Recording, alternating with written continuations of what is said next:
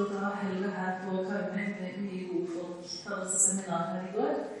Og vi fikk lov til å se et stort engasjement for eh, særlig våre fra og det som skjer i verden. Nå skal vi også forkynne i formiddag. Her er vanligvis pastor i Ytre Randesund misjonskirke i Kristiansand. En ti år gammel menighet som eh, bare andre annenhver søndag på en ungdomsskole.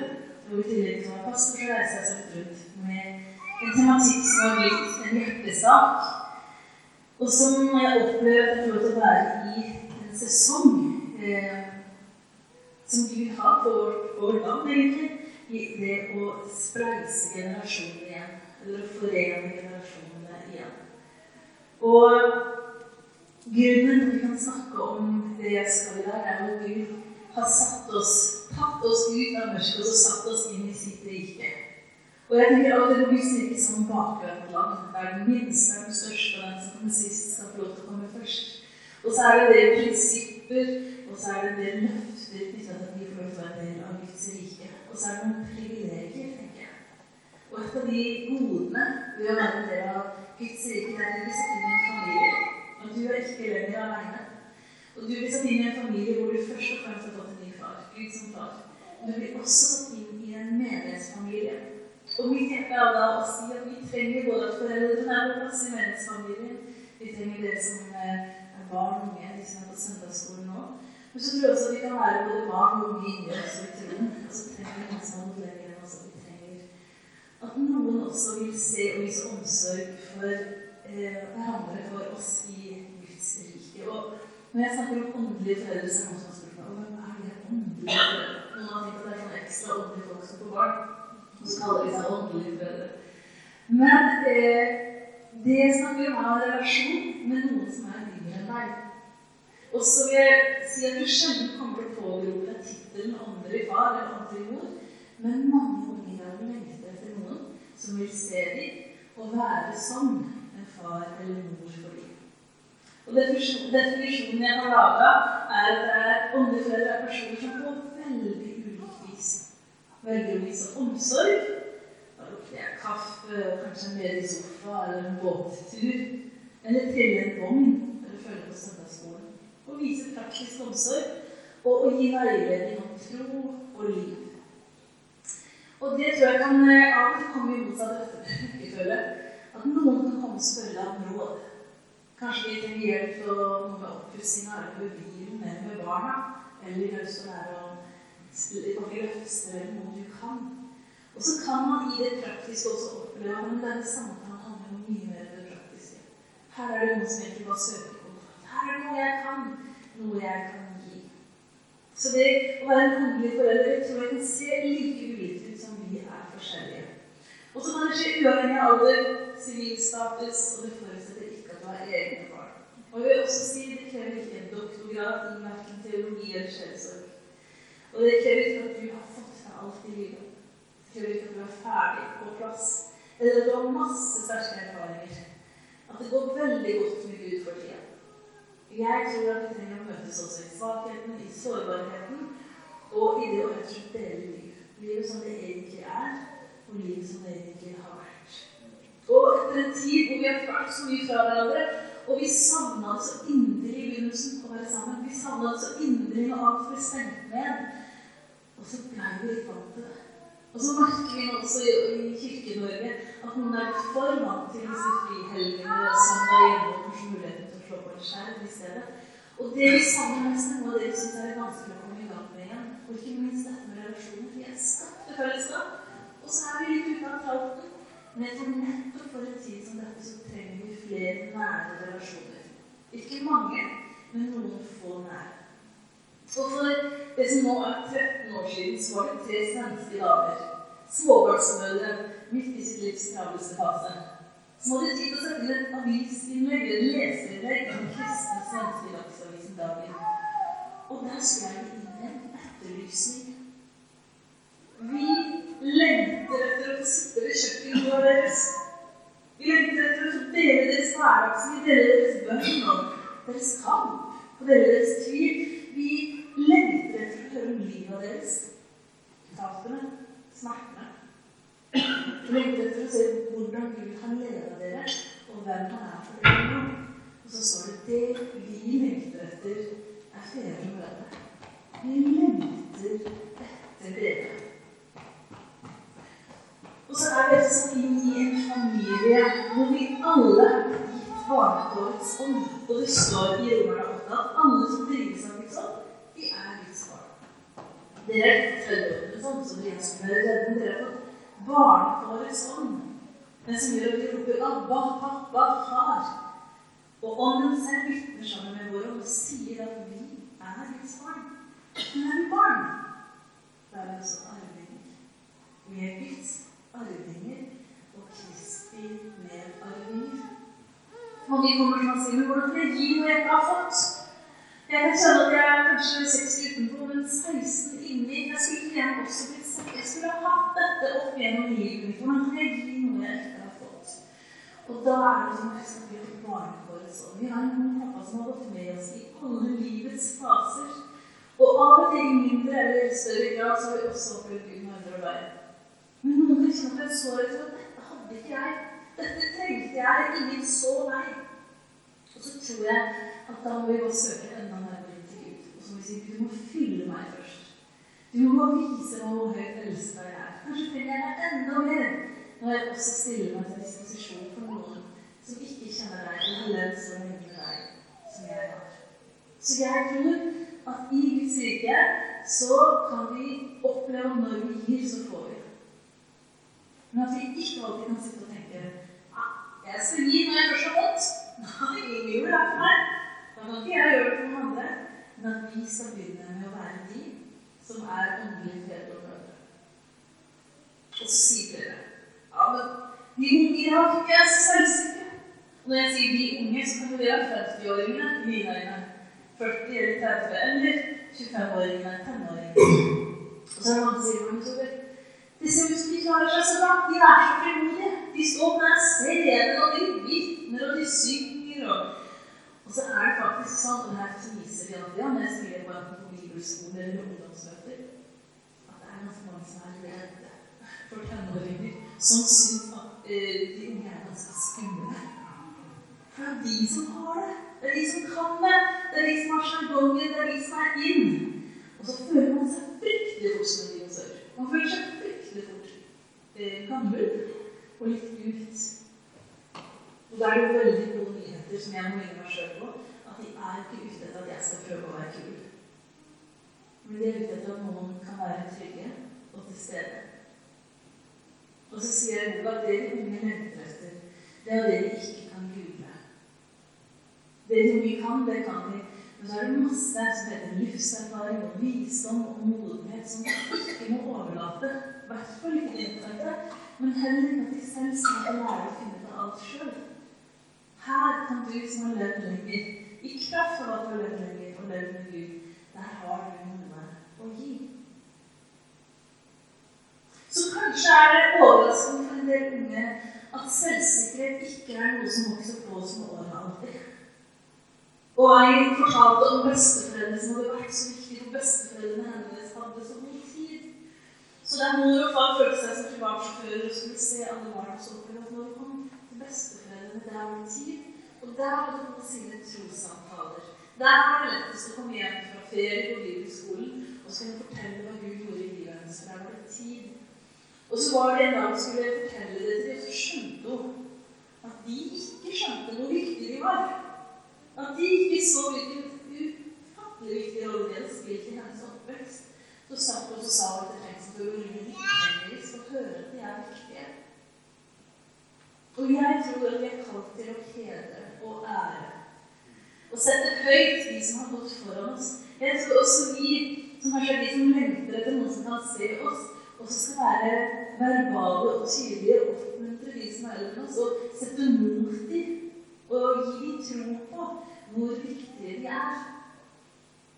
Og den velsignelsen, hvor vi skal velsigne neste generasjon, så tror jeg også at vi er kalt til å velsigne generasjonen over oss.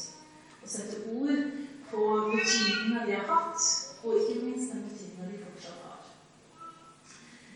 Så har jeg altså reist mye rundt nå i mange år, og så har jeg snakka om dette, og så er vi likere enn vi tror over menighetsfjøla her i Norge. Vi sitter med mange av de samme utfordringene, mange av de samme gledene. Men veldig mange steder så har de kommet til meg og sagt dette er så bra. Det er bare at vi mangler akkurat denne foreldregenerasjonen. Vi har de eldste, de mest trofaste iblant oss. Og så begynner vi å se at det kommer mange småbarnsfamilier eller unge voksne. Og så sier vi vi mangler foreldregenerasjonen. De som har fått barna ut av huset, de som har fulgt barna gjennom alle liksom, eh, gradene i kristent barn- og ungdomsarbeid. Og så har de fått huset på seg sjøl. Og så har de fått helt ny frihet. Og så opplever noen at de stolene som først, før var fast plass, de står nå tomme. Og litt av det er, eller det er indikasjon på den tittelen andre boka mi, at jeg er som en generasjon savna. Og mange av de har opplevd at den friheten fra menighetsforpliktelse er så god, og så begynner det med en liten pause, og så ble det kanskje en litt for lang evigvarende pause. Og så pleier jeg litt flåsete sagt fordi jeg ikke vet hvilket her jeg tråkker på. Pleier å si at også drar det lufta. Og så blir de borte for oss. Og så tror jeg at istedenfor at vi skal sitte her og akke og sukke og ve og si at ah. Hvordan kan vi velge sånn? Hvis jeg må kjenne den frustrasjonen over en, en påtatt økende travelhet eller materialisme eller reiselyst eller oppussingstrang eller sykkelglede Nå skal det sykles Så må jeg stedet for det å Gud, du gir meg ditt hjerte. Og den gode Gud har alltid vært opptatt av den ene 99 fornøyde. Han har alltid opptatt av den ene som er litt på tur. Og jeg tror at Gud også lengter etter de litt gråhåra, bortkomne sauene og har sine øyne festa på de som borte for oss. Og hvis Jesus lengter etter dem, så er det også vår oppgave å elske dem tilbake. Elske dem tilbake og fortelle dem hvor viktig de er for sin egen skyld. Ikke på nok en eh, kakebakeliste eller at de gjør så mye når. Men de har en enormt viktig rolle i menighetsfamilien ved å være foreldre. Og Steve Burns, han er pastor i Kirka i Stavanger, han er i den livsfasen og kan kanskje derfor snakke såpass sterkt om at hans jevnaldrende bruker tida si til annerledes, og så spør han seg i boka mi har vi virkelig brukt så mange år på å bygge kompetanse? Tenk alle feilene vi har lært. Tenk at vi er glad for at vi gjorde det. Og så skal vi bare kaste det bort. Og én ting er liksom i privatsammenheng, men i menighetsperspektiv skulle ikke vi kristne også eh, tenke at vi lever for noe mer enn oss sjøl og vår egen kjernefamilie. Men jeg tror at vi må sette ord på savnet etter de som har blitt borte, og være kreative i hvordan vi kan ønske de og elske de tilbake i fellesskap. Og Dagens bibelfortelling er om Moses og Josua. Moses som i høy alder Merk, merk, ikke i alder for gammel, som får et nytt kall i Guds rike. Han har altså fått til livsoppgave. Han er blitt administrerende direktør for Israels folk. Han hjalp de ut av Egypten. Han fikk de gjennom havet som delte seg, og nå er de stuck i ørkenen. Og de vet ikke hvor lenge de blir der, så derfor kom hverdagslivet ganske brått på for de alle. Knuffing av krangling på naboene og grenser og tujahekking og hvem som skal ha mer, og hvem som skal ha mindre. Og Moses står altså i så utrolig mye da svigerfolk kommer på besøk Moses det her går aldri på. Du må begynne å delegere. Og så gjør han det, noe av det klokeste Moses gjør, det er at han fra da av velger at Josva skal gå litt tettere på. Josva er en ung mann, det sa han er sønn av Gud. Og så det Josva han får lov til å være med Moses opp på høydene. Han får lov til å se Gud. Når Moses kommer ned og har et slør foran ansiktet fordi det bare gløder at han har vært i Guds herlighet, så står han til og med Moses flytter teltet litt utenfor resten av campen.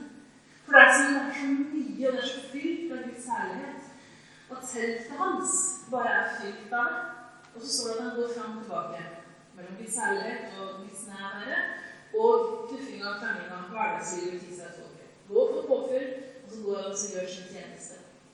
Men har du lagt til at det står om Jossa at han blei i teltet? Han var der, og så kan han være masse i det gudsnærværet som Moses men så var det også bønder som kommer ned med steintavlene i hånda, med Guds eget skrift, med de ti bud.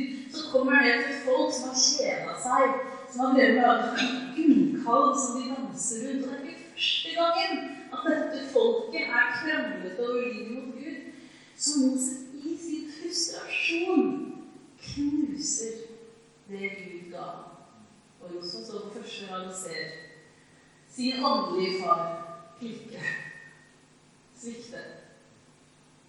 Og faktisk så opplever han også at Moses, som liksom er den loven som fører folk ut av Egypt og inn i Ikke får lov til å føre folk inn i det lovede land. Og tenk det, da! At Moses ikke får lov til å fullføre reisen. Han får lov til å se det landet som Gud så faktisk sammen med de andre speiderne. Får lov til å smake på og skjønne duften av. Og når vi merker at Moses er én han og Karl kommer tilbake, og blant de andre speiderne så er det bare mismot kommer aldri å. Han er fullt av kjemper. Men også må sette en annen gud. Han var så fylt av et gudsbilde som gjør at ingenting er mulig for Gud. Så Jossa kommer tilbake med, Dette klarer vi. Dette blir bra. Men så er det faktisk sånn at Moses ikke får lov til å se og smake sjøl. Og det er jo grunn til å bli litt gammel og bitter mann. Hvis ikke jeg er far, så henger andre der på om lett. Her har jeg strevd og slitt, og så skal jussen få lov til å redde folk inn til rådene. Urettferdig, som jeg kan sier ti ganger hver dag. Sånn kan man altså kjenne det også på slutten av livet. Så urettferdig. Men Moses velger en annen vei. Og det står i 5. Mosebok 31, vers 7 og 8. Så kalte Moses Josfa til seg og sa til ham, mens alle israelittene hørte på, Vær modig og sterk. For du skal føre folk i det landet som Herren er lovde å gi deres fedre, og skifte det mellom dem. Herren vil selv gå foran deg. Han gjør med deg, han slipper deg ikke, han svikter deg ikke. Vær ikke redd, og mist ikke motet. Hør, Moses kunne jo ha gjort det som bak teltveggen hos sa Du vet det. Dette går bra.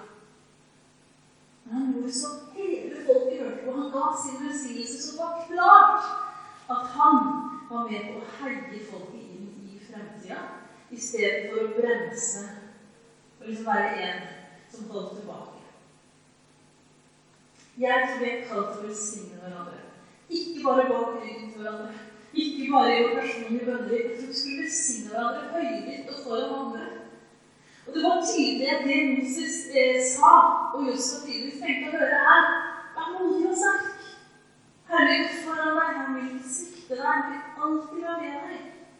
Og i dag så er det mange unge, de er i småbarnsfase eller i singelliv, på vei fra den øya, eller kanskje akkurat kommet hjem.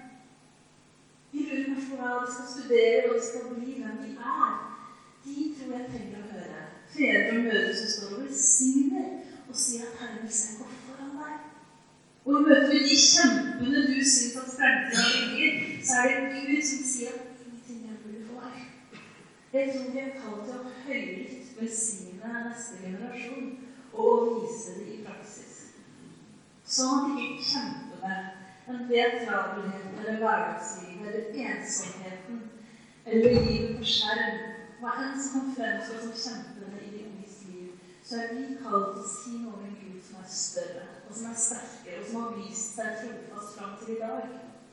Vær med og velsign høylytt neste generasjon.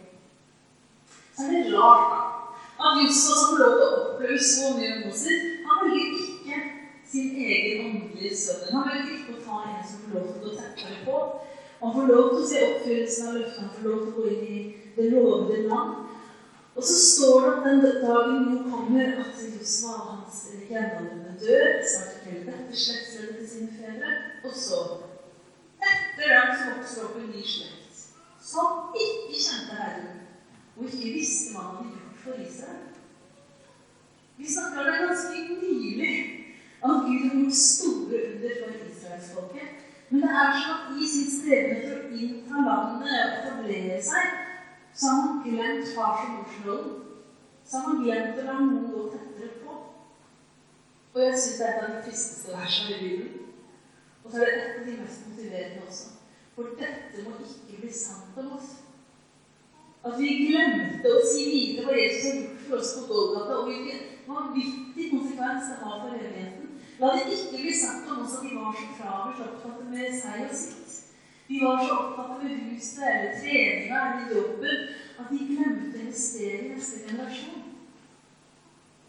Vi er blitt gitt et forbilde av Jesus om å gi det videre. Og det lå så tydelig på Gud fars hjerte at dette er så viktig dere må gi det videre. Det må ikke stoppe hos dere. Og Jesus sier helt tydelig i Johannes jeg har gitt dere et forbilde. Slik jeg har gjort dere, skal også dere gjøre. Og Jesus han lot noen gå tettere på seg. Han lot de være tett på i det gode, men ble også invitert inn i smerten og i kampen. Og jeg tror at om du får være en helt på tolv og begynner å labbe rundt her på Karmøy, så kan det hende at hvis du ber, så kommer det opp et navn i en familie, noen du kan se. Eller kanskje motsatt. Kanskje du skal koble deg på noen som er eldre enn deg. Minnet på hva er det jeg invitere hjem? Hvem kan jeg spørre om noe gjennom meg? Hvem kan være eh, den nærmeste familien også i menighetsfamilien? Og så ble jeg så minnet på eh, da jeg kom hit, også med tanke på at vi er på vei inn i påsken som vi minne oss på livet vant over døden. Og vi trenger å bli minnet på ham som kom med fred midt i en verden som var så prega av krig og uro. Så er det han som kom med fred. Og så står det noe som jeg tenker vi aldri må glemme, som må si om og om igjen til hverandre, nemlig hva han har kalt oss til. Nemlig at han har satt oss inn i forsoningens tjeneste. Det andre Korinterne 5. Og jeg leser. Derfor, hvis noen er i Kristus, er han en ny skapning. Det gamle er borte, så det nye er blitt til. Men alt er av Gud. Han som ved Kristus forsonte oss med seg selv og ga oss forsoningens tjeneste. Det var Gud som i Kristus forsonte verden med seg selv, slik at han ikke tilregner dem deres gjerninger, Og han åpna det ordet om forsoningen til oss. Så vi har utsendinger for Kristus. Og det er sånn Gud selv formaner gjennom oss. Vi ber Kristi vegne, la dere forsone med Gud. Han ikke visste av synd, har han gjort det synd for oss, for at vi i ham skulle få Guds rettferdighet.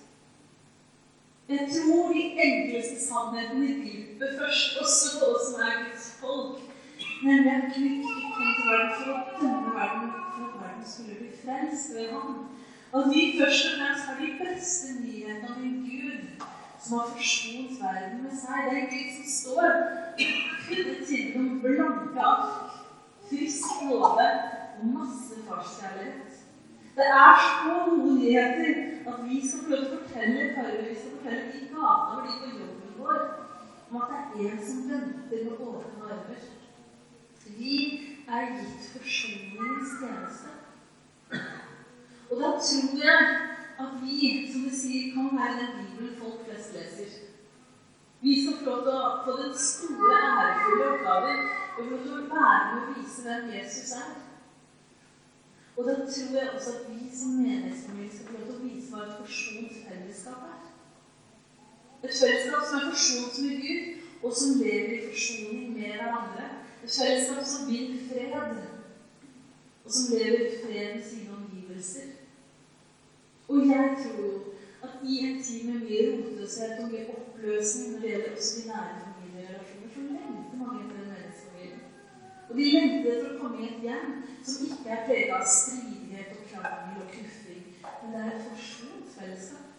Som lever forsont med hverandre, men også som lever i den tjenesten i å fortelle verden etter.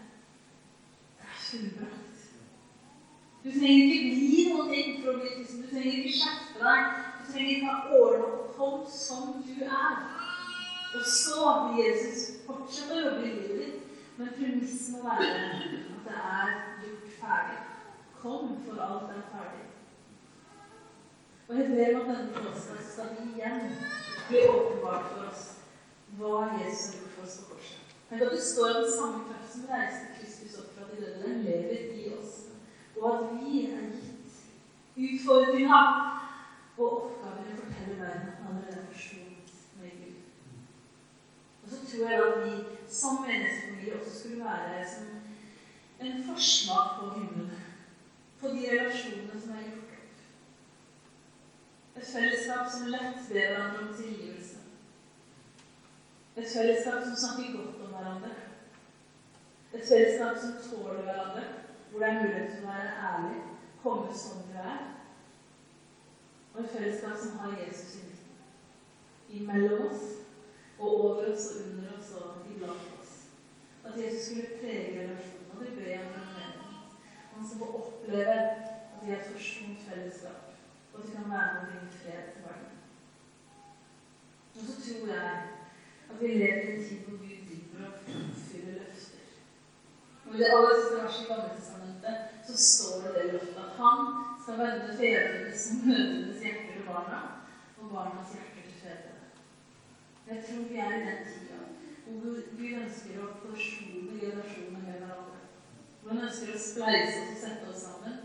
Og hvor en av de største privilegiene og godene å være en del av rike er å bli satt inn i en familie. Og at det blir tiltrekkende for de som ennå ikke kjenner Jesus, som ennå ikke vet helt om de vet hva som skjer på klippen. Eller om de vet helt at de tør å våge seg inn på bedehuset. Men det blir for fristende en sånn familie. Se som de elsker hverandre. Ikke fordi det definerer så veldig godt innenfor og utenfor, men fordi det blir så tydelig at man blir satt inn i et fellesskap som er mer enn søndag mellom tolv og to. Men det er hverdagsliv, og det er familieliv sammen.